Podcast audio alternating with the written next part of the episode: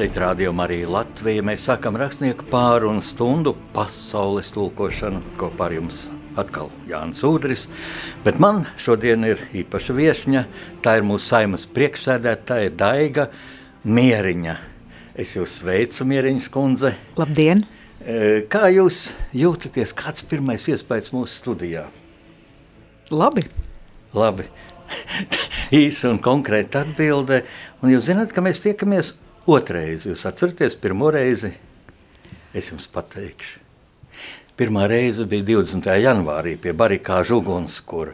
Šī brīnišķīgā tradīcija, um, saimnes pagalmā, teiks, tiek sacīta pagalmā, bet tas ir, nu, vecrīgas laukumiņš starp uh, saimu un Jākab katedrāli ļoti īpaša vieta katoļiem, arī mūsu radiostacijai. Un, un tur mēs jau Viņš tur pateica kādus vārdus, tas bija bezgalīgi gaiši. Ja? Nepiespiesti. Un pēc tam jūs teicāt uzrunu saimnes sarkanajā zālē. Kā ir gadu, bet šogad tur bija īpaši noskaņas. Vienmēr esmu ļoti iepriecināts, pagodināts, kad es tiek uzaicināts kā barikāžu laika žurnālists. Bet šoreiz varbūt 33. gads, kad notiek šāda barikāžu atzīmēšana, bet, bet, bet Ukrainā karš. Un toreiz ļoti, ļoti būtisku lietu teicāt tajā uzrunā. Nu, jūs cildinājāt barikāžu laiku žurnālistus, un būtībā žurnālisti to bija pelnījuši, jo visi bija patriotiski. Nezinu, protams, pretējās puses žurnālisti, kur arī netrūka, bet tie jau netiek aicināti, un, un paldies Dievam. Un, un viņi vispār no Latvijā vairāk. Ja. Bet es teiktu, arī politiķi, nu, parlamenta deputāti, toreiz tā bija augstākā padoma, Būtībā visi, nu visi mūsēji atkal, nevis tā Latvijā neidīga opozīcija, kas bija un diezgan daudz skaitlīga, ja, visi bija ļoti patriotiski. Nu, tagad ne par vieniem, ne par otriem es nevaru teikt, ka visi ir patriotiski. Diemžēl, ja jūs nepiekrītat, jums būs iespēja mani apgāst. Bet es gribu sākt ar tieši Ukraiņas karu. Kaut man daudz jautājumu. Varbūt par to patriotismu gribēju drusku Jā, lūdzu, lūdzu, lūdzu, un Es uh, gribētu teikt, ka es uzskatu, ka šobrīd arī cilvēki ir patriotiski, pat ļoti patriotiski, jo viņu, mūsu visu patriotisms šobrīd izpaužās caur Ukraiņas karu. Un to mēs redzam, ko jebkurš cilvēks ir gatavs darīt un dara. Uh, palīdzības, neprasot, kas man par to būs, atdodot pēdējo, darot visādas labas lietas tieši Ukrainas atbalstam. Un ja mēs paskatāmies arī Ukrainas kopējo atbalstu no Latvijas valsts, tas ir virs viena procenta. Tas ir patriotisms, kas izpaužās arī sapratnē par to, ka jāpalīdz citiem, lai arī mums pēc tam būtu uh, dzīvot brīvā Latvijā. Tas ir ļoti būtiski, jā, ko jūs tikko teicāt. Jūs arī esat uzrunājusi Ukrainas parlamentu, ko jūs jutāt tos vārdus, sakot, ko jūs teicāt, nu to var izlasīt arhīvos, bet ko jūs sirdī Es jūtu jutāt? bezgalīgu pateicību. Un tas ir tas, kas varbūt mums visiem arī, ko es arī visiem gribu nodot, pateicību Latvijas tautai par tiešām to lielo un bezgalīgo palīdzību, atbalstu un mīlestību, ko mēs sniedzam Ukraiņu tautai. Palīdzot dažādi, tostarp arī šeit cilvēkus uzņemot, izmitinot. Jā, turpinot šo tēmu, jums bija tikko, faktiski daudz jau ir noticis, kopš jūs esat, kuro mēnesi jūs esat šajā Nu, es esmu četrus mēnešus, tā varētu tikko, teikt. Jā, tā, Četri es... pilni mēneši. Ziniet, mūsu cilvēkiem, tā, nu, cilvēkiem ir rūk, rūgtums, ir pat daudz, ko cenas augstas gāzei un, un skolas mazās un tā, un tā, un pamatot. Ja? Un tad tā, jo augstāks priekšnieks, jo vairāk uz viņa, tad es ļoti lūgtu, tad, miļie klausītāji, jūs tomēr ņemiet vērā, ka mieriņas kundze četrus mēnešus, ja, un tas ir, nu, Nu, nu, nu, tur nevar, nevar kaut ko kardināli vēl tā izdarīt. Vai var un ko var, to mēs, ceru, mums būs laiks parunāt. Bet eh, kas ir ļoti liels notikums, es teiktu, šī jūsu vizīte, jūs nebijāt viena, bet ar, ar abu mūsu brīnišķīgo kaimiņu valstu kolēģiem, saimnes spīkeriem no Lietuvas un Igaunijas, jūs bijāt Amerikas kontinentā, Amerikā, Amerikas Savienotajās valstīs un Kanādā un tikāties ar turienes kolēģiem, kas ir, ojojoj, cik augstu, ja ne cik liela ir Amerika un varena. Un faktiski satraucošā brīdī cilvēki ir satraukti, kas notiks ar Ameriku, vai tiešām viņi ievēlēs otrēju šo cilvēku, nu, šo kandidātu, jā, Trumpu. Es nezinu, patiešām, ko jūs jutāt un runājat ar savu amerikāņu kolēģi, kāds ir noskaņojums un vai bija iespējams jūs tādu sabiedrības noskaņojumu? Viņi tiešām ir tik tādi, nu, tuvredzīgi. Nu, viņiem, arī Amerikas pilsoņiem, tāpat kā mums Latvijā, ir sava dienas kārtība, un viņiem ir savas problēmas. Viņiem interesē iekšpolitika vairāk nekā ārpolitika, tāpēc, ka Amerika jau daudzkārt ir iesaistījusies gan da, vairākos karos, gan arī, protams, ir finansējusi dažādas militārās operācijas pasaulē. Un tas ir saprotams, jo viņiem šis migrācijas jautājums ir ļoti akūts. Ja viņiem ienāk septiņi miljoni imigrantu, tad viņiem, protams, viņi saprot, ka kaut kas ar to ir jādara. Un tas viņiem ir nolikts dienas kārtībā, bet tas nebūtu nenozīmē, ka Amerikas tautas nesaprot, kas notiek arī citur pasaulē. Tas nebūtu tā nenozīmē. Un to starp arī pašā, mm, sen, runājot ar tiem pašiem senatoriem, kongresmeņiem, vismaz ar tiem, ar kuriem man sanāca runāt, viņi visi ļoti labi saprot, kas notiek pasaulē, kas notiek Ukrainā, viņi ļoti labi informēti, cik kura valsts sniedz palīdzību, bet, protams, viņi arī izmanto šīs iespējas atrisināt savas iekšpolitiskās problēmas. Jā, es pat šeit eh, pierakstīju, runājot ar Maiklu Džonsonu, ja, kas ir eh, pārstāvju palātas priekšsēdētājs Amerikas Unitēs valstīs. Jūs teicāt tā, ka mm, Eiropas drošībā ASV loma ir neaizstājama, un es domāju, tas ļoti objektīvi teikt, bet man pēkšņi nāca prātā, nu, ja Trump ievēlēs, tas nav neiespējami, ja, un Nu, pat viņš atkal tādu ļoti dīvainu lietu pateica, ja tur saistībā ar Putinu, kā tas ir, vai, vai, vai lai Krievija uzbruk valstīm, kas, kas uh, nepietiekami atbalsta NATO. Nu, tad mēs tie nebūtu, ja tādus vārdus varētu ņemt pa pilnu, ja tiem būtu kāda nozīme, izņemot propagandas nozīmi. Ja. Nu, nu, mēs dodam labu ieguldījumu, kā atbilstoši savai, savai, saviem izmēriem, saviem parametriem, vai jūs piekrītat tam? Uh, Jā, un Amerikas gan senatori, gan arī kongresmeņi, protams, ka viņi arī to uzsvēra, ka Baltijas valsts ir kā labais piemērs, jo mēs visi tērējam un um, ieguldam savā aizsardzībā pietiekami lielus līdzekļus. Ja salīdzina no iekšzemes koprodukta, tie ir vairāk kā, kā kurā vietā, vairāk virs 2%, un arī Latvija ir apņēmusies līdz 27. gadam uh, ieguldīt 3% no iekšzemes koprodukta. Mēs esam kā paraugs, un to viņi arī uzsvēra kad lūdzu runājiet ar saviem Eiropas kolēģiem, lai viņi arī atbildīgi pret to izturās. Es gribu teikt, ka arī Eiropas kolēģi to saprot. Vienkārši pasaules kārtība pēdējos divos gados ir krietni mainījusies, un ja kāds vēl šaubījās un domāja par to, kāda ir Krievijas spēja un uz ko viņi ir spējīgi, tad šobrīd vairs neviens nešaubās.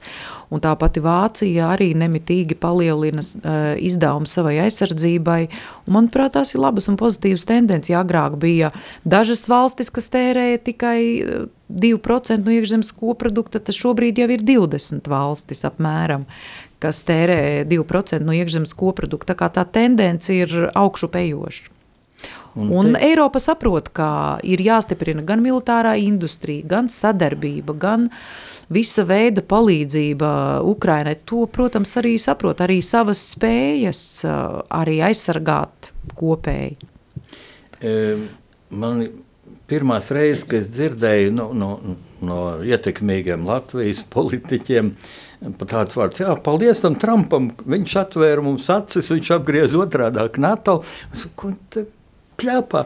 Bet tad es padomāju, te ir tāda pretstata vienība, jā.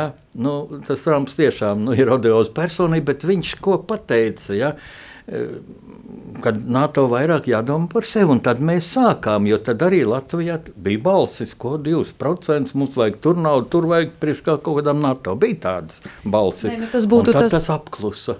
Ne, tas būtu tas pats, kas pateikt, neklausīties eh, Latvijā opozīcijas deputātu, bet viņi jau ir tie, kas arī norāda uz mūsu pozīcijas kļūdām vai vājām vietām eh, vai nepietiekami izvērtētām, un tas, manuprāt, ir ļoti labi. Nu, demokrātija nav iedomājama arī bez opozīcijas. Savādāk mēs ieslīgt tādā pašapmierinātībā mums liktos, ka viss ir ļoti labi un nebūtu jēgas censties. Nu. Jā, kad jūs sakat opozīcija, un man tūdaļ nāk prātā jūsu CV, jūsu profesionālais dzīves stāsts.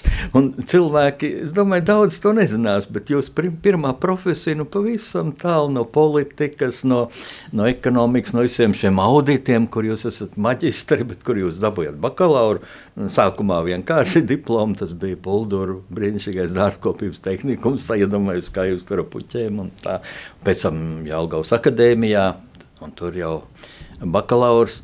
Un tad pēkšņi šī maiņa, kas jūs tā pamudināja otrā augstskola izvēlēties tādu ļoti gudru, kur es nevaru iedziļināties. No šīm lietām neko nesaprotu. Jūs strādājāt dažādos ļoti augstos amatos, ieņēmumu dienestā un, un, un šie auditi un, un finansu lietas kontroli. Nu, jāsaka, tā dzīvē viss iegrozījās, bet uh, pabeidzot Latvijas lauksaimniecības, iesākot universitāti, pabeidzot akadēmiju, tas arī faktiski, es neesmu pielīdzinājis, bet tas ir arī maģistra grāts jau būtu lauksaimniecības zinātnēs šobrīd, jo tas bija profesionālais pieci gadi. Bet, uh, jā, finanses un kvalitātes vadību tā man dzīve iegrozīja, ka valsts pārvaldē sāk strādāt ar, ar valsts ieņēmumu dienestu. Uh, Un tad dažādos, dažādos, dažādos amatos jau esmu strādājusi principā visu mūžu valsts pārvaldē. Un to starp arī vēl vēlēta amatā, jo no 2001. gada arī esmu ievēlēta Cernikavā par deputāti. Man liekas, tas ļoti būtisks pavērsiens, ja, kas faktiski no šīm abām jūsu profesijām, kas ir augstskolā apgūtas, ir šis dzīves skolā apgūtais deputāta darbs, un šeit es gribētu pakavēties. Vispirms skaisti jauns gada tūkstots jums sākās jaunā kvalitātē. Tātad, kā tas tur bija? Nu, Carnikau tur citu citu pazīst. Jā, jā. jā. Tā tad jūs cienīja. Nu, es vispirms biju tikai deputāte. Astoņus gadus es biju faktiski opozīcijas deputāte, vairāk vai mazāk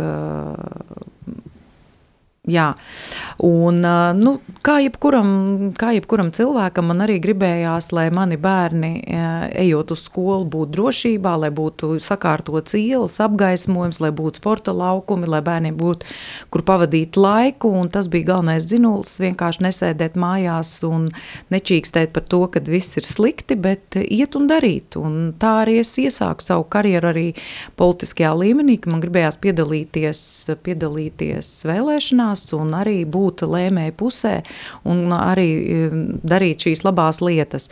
Nu, tā arī bija. Tad, e, protams, man ievēlēja ar pirmo reizi, bet kā pēdējo ievēlēju, toreiz vēl, toreiz vēl no tēvzemē un brīvībai saraksta man ievēlēja, un tad es sāku arī strādāt domē, toreiz bija laikam septiņi deputāti vai deviņi, tad man jāsāk domāt, bet, bet īsti daudz nesanāca izdarīt. Man pašai tā liekas, tas bija iemesls, kāpēc arī es pēc tam veidoju pati savu sarakstu, un tad startējām.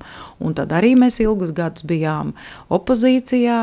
Līdz 2009. gadā mums bija iespēja izveidot koalīciju, un uh, es kļuvu par priekšsēdētāju. Tad 12 gadus nostrādāju arī uh, šajā amatā. Un es domāju, ka izdarīts ir daudz. Man pašai tā liekas, protams, uh, jāvērtē ir arī iedzīvotājiem. Tas ir vairāk arī viņu redzējums. Un tad šī, nāca šī teritoriālā reforma, Cernikau pievienoja ādažiem. Un man, man tā liekas, ka jums bija Cernikaviešiem tā, nu, drusiņi skumīgi, apvainojoši. Kāpēc nebija otrādi, kāpēc ādažs nepievienoja Carnikavai? Nu, es gribu teikt, eh, tā reforma nebija kādu pievienoja vai nepievienoja, vienkārši apvienoja. apvienoja div, tā būtu precīzāk, apvienoja divus uh, pagastus vai divus novadus un izveidoja vienu ar centru ādažos. Tāds bija faktiski. Toreiz reformas plānā bija arī Saukrasti, Sēja un Garkalne. Šobrīd Garkalnes jautājums ir atvērts, jo daļa iedzīvotāji vēlas būt pie ādažiem, un līdz ar to par to vēl saima lems kāda būs viņa tālākā, tālākais liktenis, vai viņi paliks turpat Garkalnē robežu novadā, vai tomēr daļa iedzīvotāji, kas ir ap Baltazaru, mazo Baltazaru, vai viņus tomēr pievienos ādažiem, kur viņi paši arī vēlas būt. Jā. Tas ir ļoti svarīgi ņemt vērā iedzīvotāju vēlmi. Viennozīmīgi, jā, es arī domāju, ka man šķiet, ka tā arī bija tā lielākā reformas kļūda, ka mēs diezgan daudz lietas izdarījām, ka iepriekšējā sājuma izdarīja daudz lietas ļoti vardarbīgi. Vardarbīgi pret cilvēkiem, pret viņu, pret viņu vēlmēm, un, un es jau tos piemērus nesaukšu, viņi jau ir visi zinām, ļoti spilgti. Mēs arī redzam, ka cilvēki nav piedevuši politiķiem šīs vardarbīgās lietas, un šie politiķi vienkārši šajā saimā nav ievēlēti. Labi, ka jūs pateicāt pat to, ka cilvēki, nepi... cilvēki es domāju, nežēlīgi, bet politiķi ar to ir pelnījuši. Daudzi politiķi, kas pieņem dumjas lēmumus. Man nav laika uzskaitīt iepriekšējās saimās, kas jā. ir pieņemti.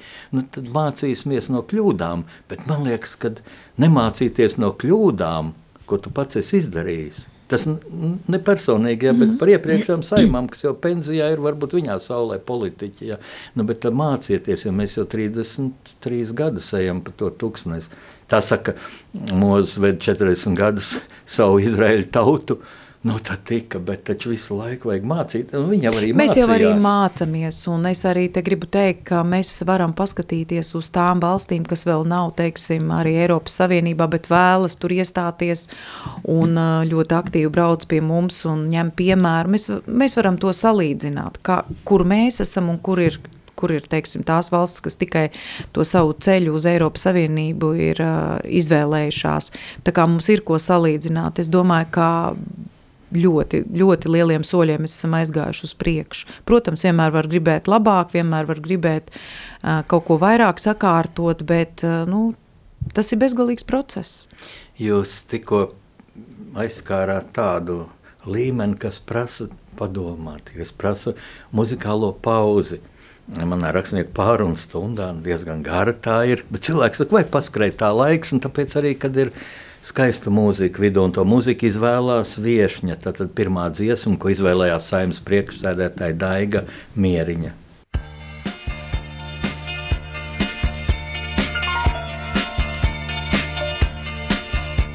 Pie baltas lapas apsēžos, kā pie baltas domas kapa, un kas pažēlos reizdos, kas viens otru nesastapa.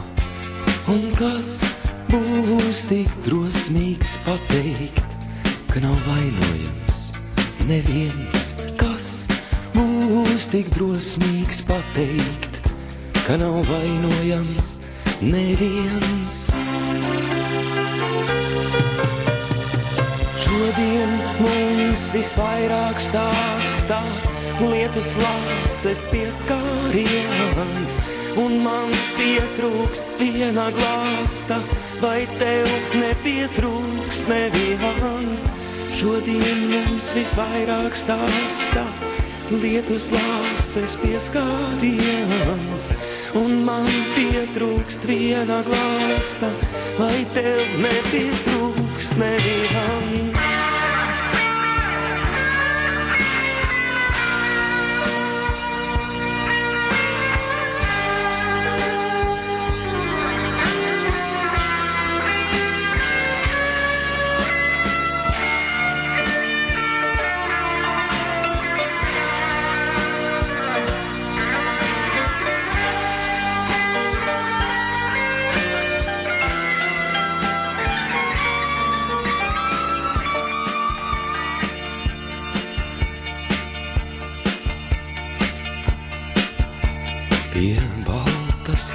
Lapas apsēžos, kā pie baltas domas kapa.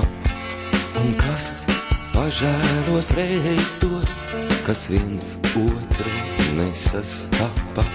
Un kas būs tik drosmīgs pateikt, ka nav vainojams neviens, kas būs tik drosmīgs pateikt, ka nav vainojams neviens. Šodien mums visvairāk stāstā lietus lāses pieskāriens, un man pietrūkst viena glāsta, vai tev nepietrūkst neviens. Šodien mums visvairāk stāstā lietus lāses pieskāriens, un man pietrūkst viena glāsta, vai tev nepietrūkst neviens.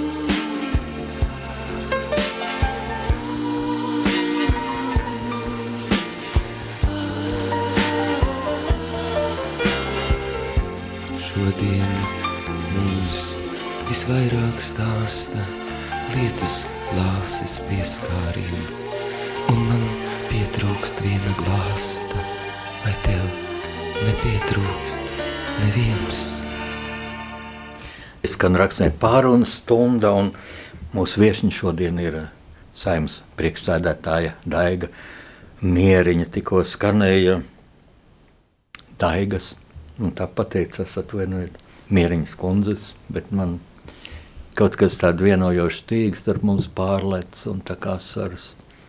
Ja tagad jau abi šie talantīgie cilvēki, vispirms Mārs Melgals, Viņš kādreiz klausījās manas lekcijas, viņš jau sen ir debesīs, un tagad arī Jūras Kulakovs. Ko jūs sajūtat šo dziesmu, izvēloties?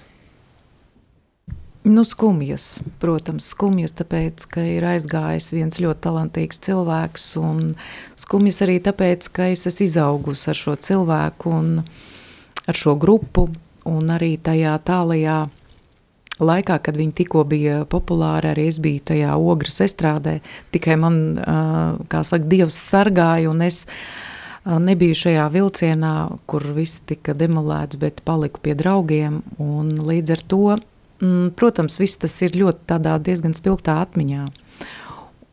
Un tā bija tāda, nu, tāda jauna dzirks, tā kā svaigs asins, tā kā vēsma, ka var būt kaut kas brīnišķīgs, ka var būt kaut kas tik pacelājošs. Un mēs jau zinām, cik ļoti lielu lomu Latvijas neatkarības arī stiprināšanā un veicināšanā vispār grupa Pērkons arī ieguldīja. Tas bija ļoti zīmīgs notikums, un tagad atceroties, iet šarmuļi par kauliem, cik būtībā baismīgs šis režīms bija, kad vajadzēja, nu, mēģināja šis rež, režīms likt kaut, kā, kaut ko pretī, lai ierobežot šo brīvo domu, kas lauzās cauri ar Kulakovu mūziku. Jā, un tā un, bija tāda brīvības izpausme, ka cilvēki gribēja atbrīvoties no tās čaulas, viņi gribēja izlausties, Un zināmā mērā tā bija tāda sava veida protesta forma, kas tajā laikā, protams, daži par šo protesta formu ļoti smagi samaksāja. Nu jā, daudz klausītāji jaunā paudze nezinās to, jo tie puikas, nu, puikas pusauģi ja, un ogres braucot atpakaļ vilcienā sāk ālēties, viens ar sāku un tad arvien vairāk, vairāk.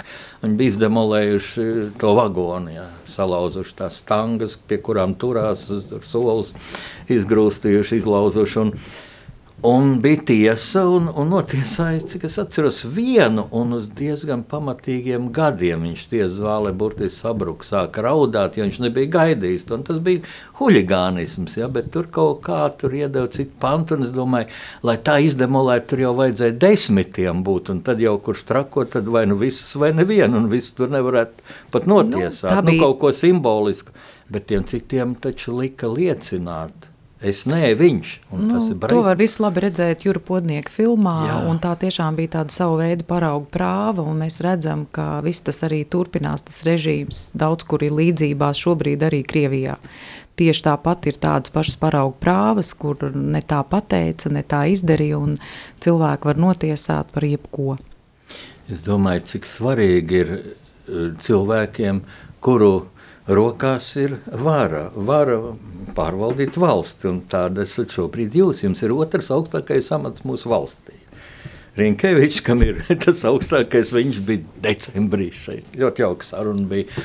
Nu, e, es gribu prasīt tādu, ziniet, faktiski provokatorisku jautājumu varbūt. Kā ir reāli saimnes priekšsētājiem, spīkeram, jūs nav nekas pretī, saka spīkers.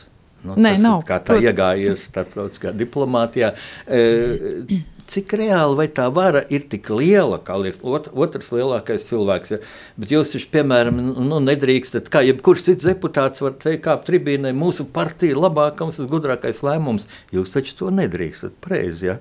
Nu, es, gribu teikt, es, es gribu teikt, ka jābūt ir viedumam, viedumam tas tajā, ko mēs, ko arī es vēstu un runāju, un tas ir, protams, zināmā mērā arī saistīts ar viedokļu līderību, skaidrs, ka es nevaru kāpt un runāt jebko.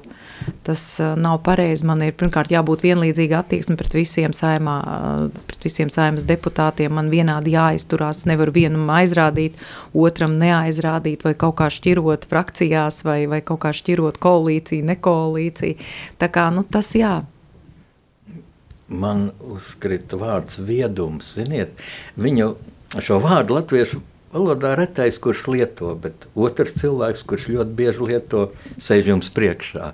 Manos romānos jūs paskatīsieties ar vārdu meklētāju internetā. Tur ir daudz, daudz, daudz šī vārda viedums. Nu, viedums tāpēc, ka tas tas ietver sevī ļoti daudz komponentu, gudrību, pazemību, intelektu, intuīciju, nu, intuīciju zināšanas, nu, briedumu. Un man liekas, ka tas vārds viedums apkopo visu to, un mums tiešām ir, ja mums būtu vairāk viedu cilvēku, kas visu to sevi iemiesot, es domāju, ka mums arī daudz lietas savādāk virzītos uz priekšu, un arī cilvēki savādāk skatītos uz politiķiem. Es domāju, cik pasaulē šo ļoti specifisko vārdu viedums vispār tulko citās valodās. Es atradu, ka angļu valodā ir vārds wisdom. Ja? Jums tur bija kādas diskusijas par angļu valodu, jūs taču bijāt Amerikā un Kanādā un runājāt angliski, ne jau, ne, ne jau japāņu valodā. Latviski. À, bet tas arī ir labi. Es runāju latviešu blakus. Jā, līdz ar to man bija iespēja skaidrāk noformulēt savu viedokli un redzējumu un izmantot tos vārdus, kurus es tiešām gribu izmantot, nevis tos, kas man ir zināšanu krātuvē. Man ļoti patika, es skatījos video no, no Briseles, no Eiropas parlamenta, kā Sandra Kalnieta par Danoku runāja latviešu. Jo parasti jau mūsu deputāti runā. Nu, tur arī ir tas ir labi, lai ātrāk vai kā tur nu, tā viņa darīšana, kā individuāli kā grib, jo mūsu valoda ir. Eiropas um, parlamenta oficiālā valoda, nu, bet par Danoku es domāju, jā, tur tādā īstā latviešu valodā, tādā īstā latviešu valodā. Un man tagad tāds jautājums, kā tas ir, vai 2001. gadā, lūk, jūs ievēl par deputātu? Pēc dažu gadu paiet ja, priekšsēdētāji Cernikavā. Viens mazs brīnišķīgs novads pie jūras, pie Gaujas ietekas jūrā. Vai tad jau sākās šis ceļš uz spīkeru samatu, vai tās iemaņas, kas tur starp savējiem, tās nodara jums tagad? Nu, es domāju, ka noteikti nodara. Noteiktajā laikā es par to nedomāju. Bet jebkas, ko, ko ko es darīju pašvaldībā, faktiski zināmā mērā arī palīdz man šobrīd, jo vadīt pašvaldību ir drusciņi um, valsts miniatūrā, drusciņi mazākā mērogā, un skaidrs, ka tur ir gan izglītība, tur ir gan gan nu, vesela virkne nozars, transports, tur ir infrastruktūra, ceļu infrastruktūra, tur ir komunālie pakalpojumi, viss kaut kas. Un, protams, mēs caur šo prizmu skatījāmies, kādus likumus saima pieņem, kādus, kādus normatīvus regulējumus pieņem valdība.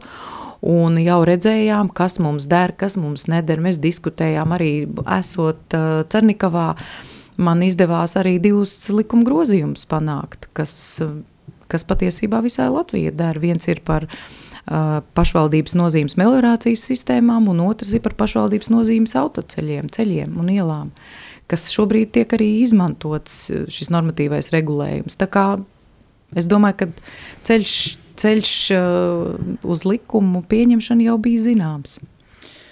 Cik interesanti, ka jūs it kā pati atkal pateicāt priekšā nākamo jautājumu. Kurā uh, nu, parlamentā vai Cernikavas parlamentā, domē, vai tagad valsts parlamentā, kur ir ātrāk redzams rezultāts, ko jūs darat? Nu, neapšaubām pašvaldībā, tāpēc, Jā. ka, protams, tur deputāti nolem politiski izdomā tādu vai citādu aktivitāti, atbilstoši tam sastāda budžetu un viss tiek īstenots. Protams, četros gados arī ne visu var izdarīt. Arī jābūt ilgtermiņa redzējumam un, un kaut kādam strateģiskam redzējumam, bet tomēr katrā gadījumā lēmumu pieņemšana un arī uh, rezultātu redzēšana ātrāk ir pašvaldībās, novados. Es tā, mm, gatavojoties sarunai ar jums, domāju, ko jautāt uh, no garā, garā Latvijas problēmu saraksta. Es domāju, būtu ļoti netaisnīgi jums prasīt to, to, to kāpēc žoks uz mūsu naidīgo valstu robežas. Uh, tiek celts cik lēni. Gadiem pat aptur, jo tur valsts kontrole atrod kaut ko tur un ka nesaprot prioritāti, strateģisko prioritāti. Nu, tagad tur min, nu, labi, 25. gadā, bet varbūt jau jaunadēļ būs par vēlu. Varbūt, jā. Un es ļoti nobrīnījos. Es ar lielu interesi noklausījos mūsu eksprezidenta Gunta Ulmaņa sarunu ar Anītu Daugstu, ļoti labu žurnālistu. Un es Mūsu daudz... novadā dzīvo. Jā? Jā. Cernikavā. Cernikavā. Starpstīt, jūs arī dzīvojat Cernikavā? Jā, es arī. Jā, jums jo... nav vila pie jūras. Nē. Nē, jums ir pie jūras. Jums ir jūsu ģimenes māja pie jūras. Jā, bet nu, nu ne vila. brīnišķīgi, brīnišķīgi. Un es daudz kur Ulmanim piekrītu. Es esmu kā žurnālists atspoguļojis viņa valsts vizītes. Man bija liels intervijas Latvijas vēstnesī, kas bija toreiz ļoti svarīgs Latvijai. Es viņam daudz kur piekrītu. Dažās lietās es tā pabrīnījos, ka viņš tomēr sāca ļoti tuvredzīgi skatīties. Piemēram, Nu, ko tāds joks dos? Varbūt pa piecām minūtēm aizkavēs.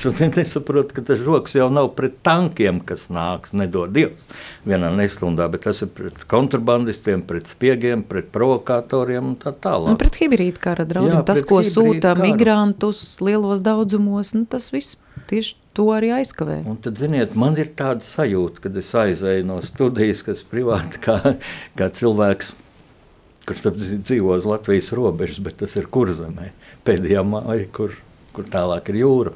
Uh, Tāda sajūta, nu, kas tas ir. Nu, tie, man brīžiem liekas, tā kā barik, naktī pirms barikādēm, kad tauta sanāca un uzcēla barikādas.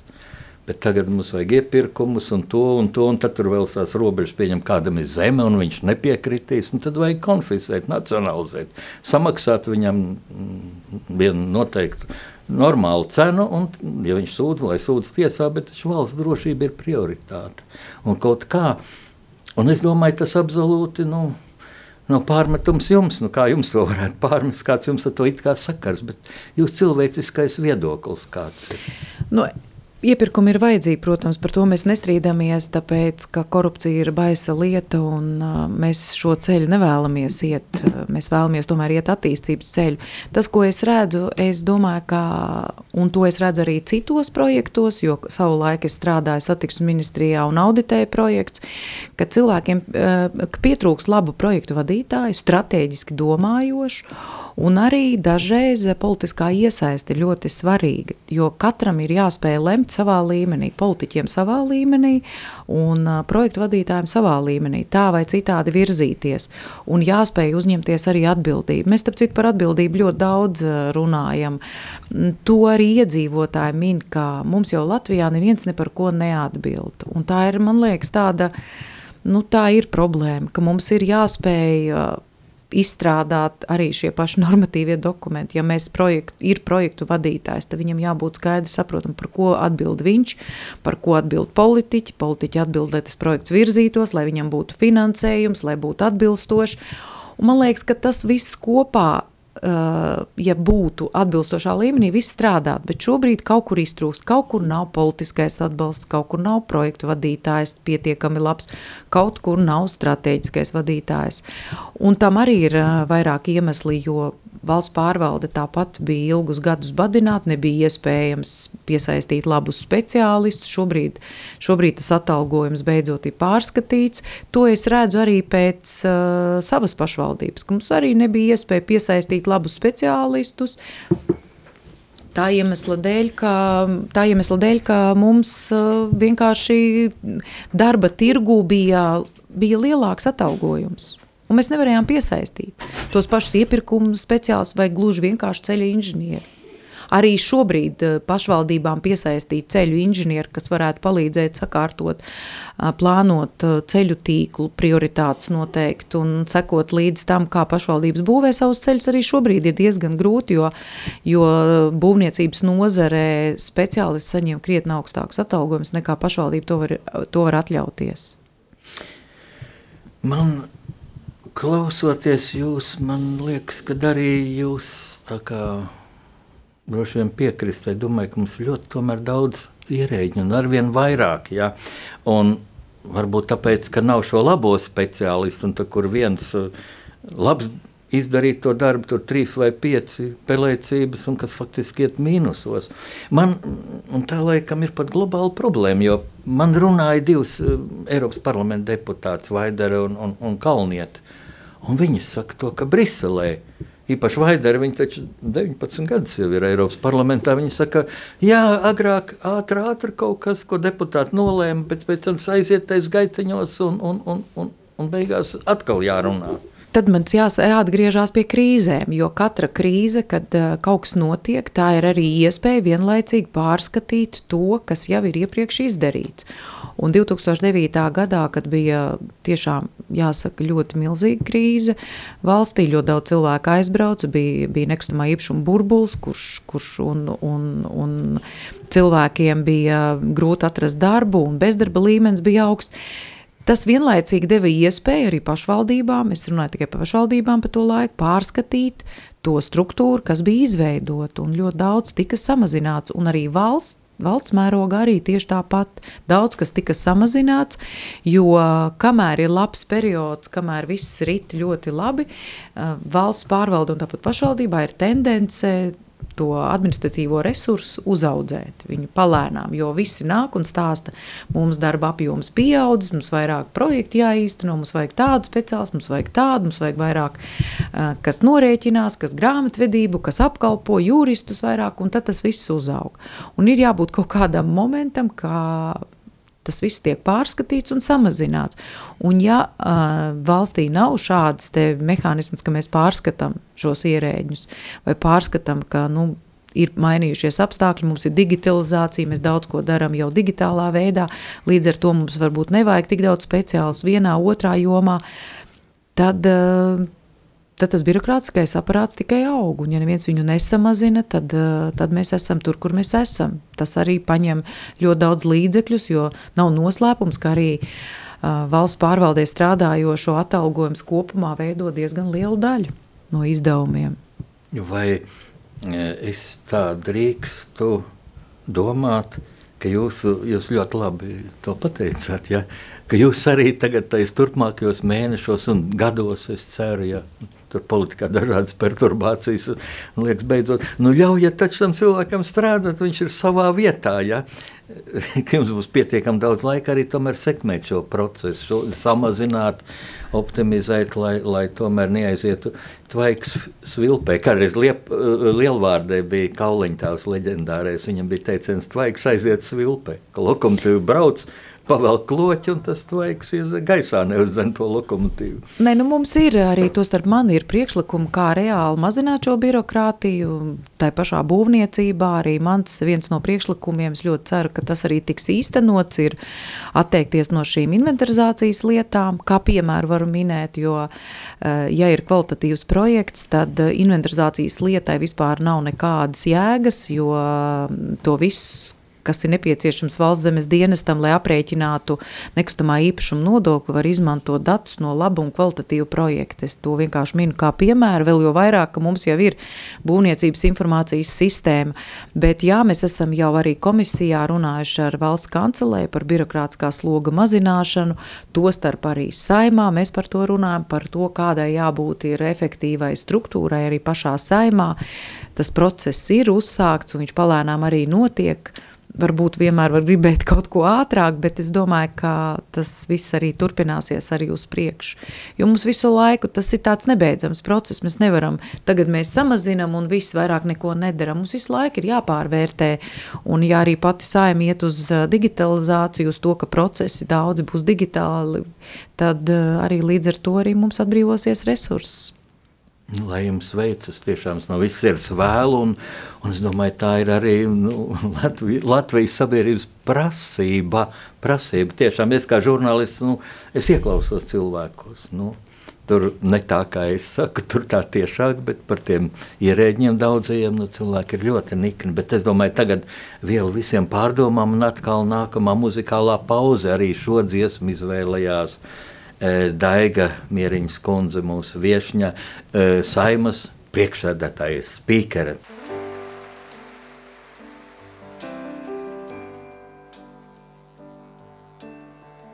Pār mani mēmā debesis plešā, mēma, mēma, ļavasijā. Kāpēc es atkal esmu bešā? Kāpēc man vajag tukšajā?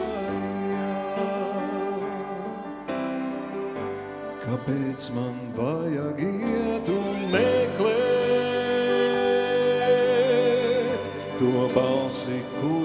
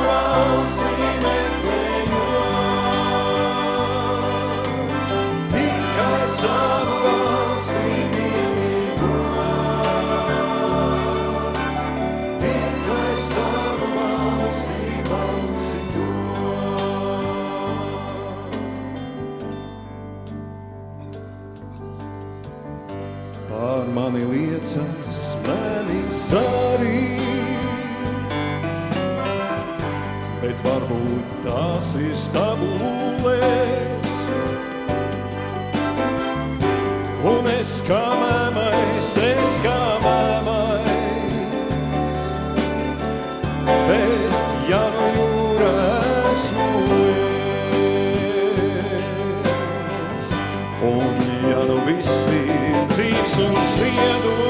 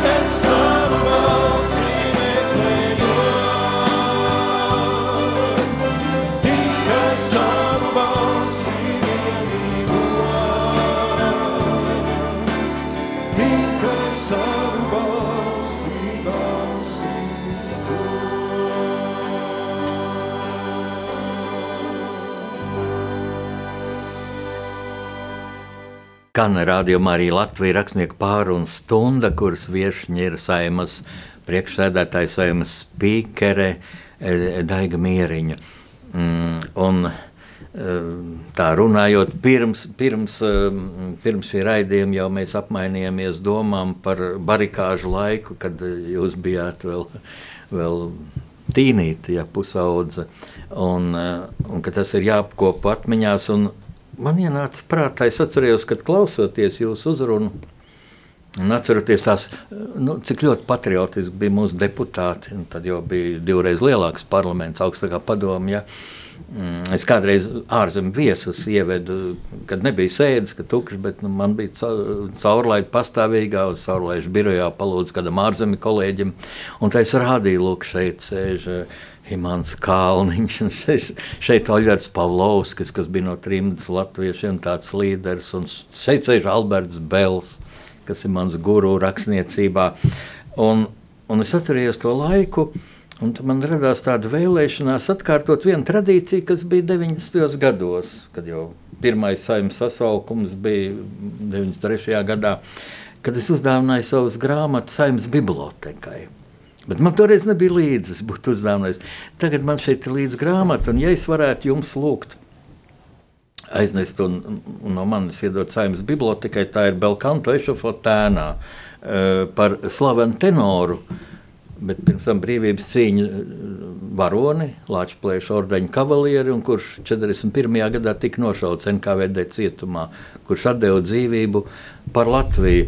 Un varbūt tas skan tā naivi, bet toreiz, 91. gadā, šie deputāti, nu, viņi, jā, Ita Kozakēviča un tādi, viņi, viņi atdot noteikti dzīvību par Latviju. Un, un, un tā vienā mierā. E, man bija nesen, kad iznāca mana grāmata, tāda sazināšanās ar cilvēku, kurš uzvilka radio turnī sarkanu baltsarkano karogu. Ja? Un viņš, un, un viņš, es viņam teicu, kāpēc tu pie prezidenta tur, tur lauzies, ka tu neesi varonis? Nu, klusē, ja, jo tu esi varonis. Nē, viņš saka, varonis ir tālaus taurētājs, jo kādam taču to bija jāizdara. Pagaidiet, kādam tas bija jāizdara? Nu, laikam katram savā vietā ir jāizdara. Un tāds jautājums tad jums, vai jums ir tāda sajūta, ja es šajā vietā esmu tagad ievēlēts, tad man tas ir jāizdara. Vienkārši jāizdara. Nevar palikt, ka es neesmu izdarījusi. Jā, es tikai gribēju precizēt, ka barikāžu laikā man bija 21 gads, un man Jā. jau bija piedzimis dēls. Tā kā, tā kā tas laiks ir manā atmiņā arī. Tad kompliments jums, jā, jūs spil... ļoti jauni izskatāties. nu, lūk, jā, ziniet kā, nu, mums jau, kā jāsaka, bībeles vārdiem nekad netiek uzlikts vairāk nekā mēs varam panest, un es domāju, ka šeit ir līdzīgi. Nu, ja reiz eh, es esmu nokļuvusi šajā amatā, tad, tad kaut kāds nodoms tam visam ir. Un droši vien arī eh, kādam uz to bija savi plāni. Jā. Eh, nu, mums aiziet pēdējā raidījuma minūte. Kāds ir jūsu vēlējums Latvijas tautai? Nu, es visiem vēlu, lai šis gads ir veiksmīgāks nekā iepriekšējais gads. Mums visiem, protams, es vēlu ļoti gribētos cerēt, ka Šogad Ukraina izcīnīs arī uzvaru, līdz ar to arī mūsu sirdīs būs vairāk miera un paļāvības uz uh, nākotni, bet uh, visiem veselību, saticību un mieru dvēselē. Un jūs apņematies aiz, aizvest uz saimnes biblioteku šo grāmatu, noteikti. ierakstīšu saimnes deputātiem. Jā, no noteikti, autori. ar lielāko prieku. Mīļš, paldies, mīļie paldies. klausītāji.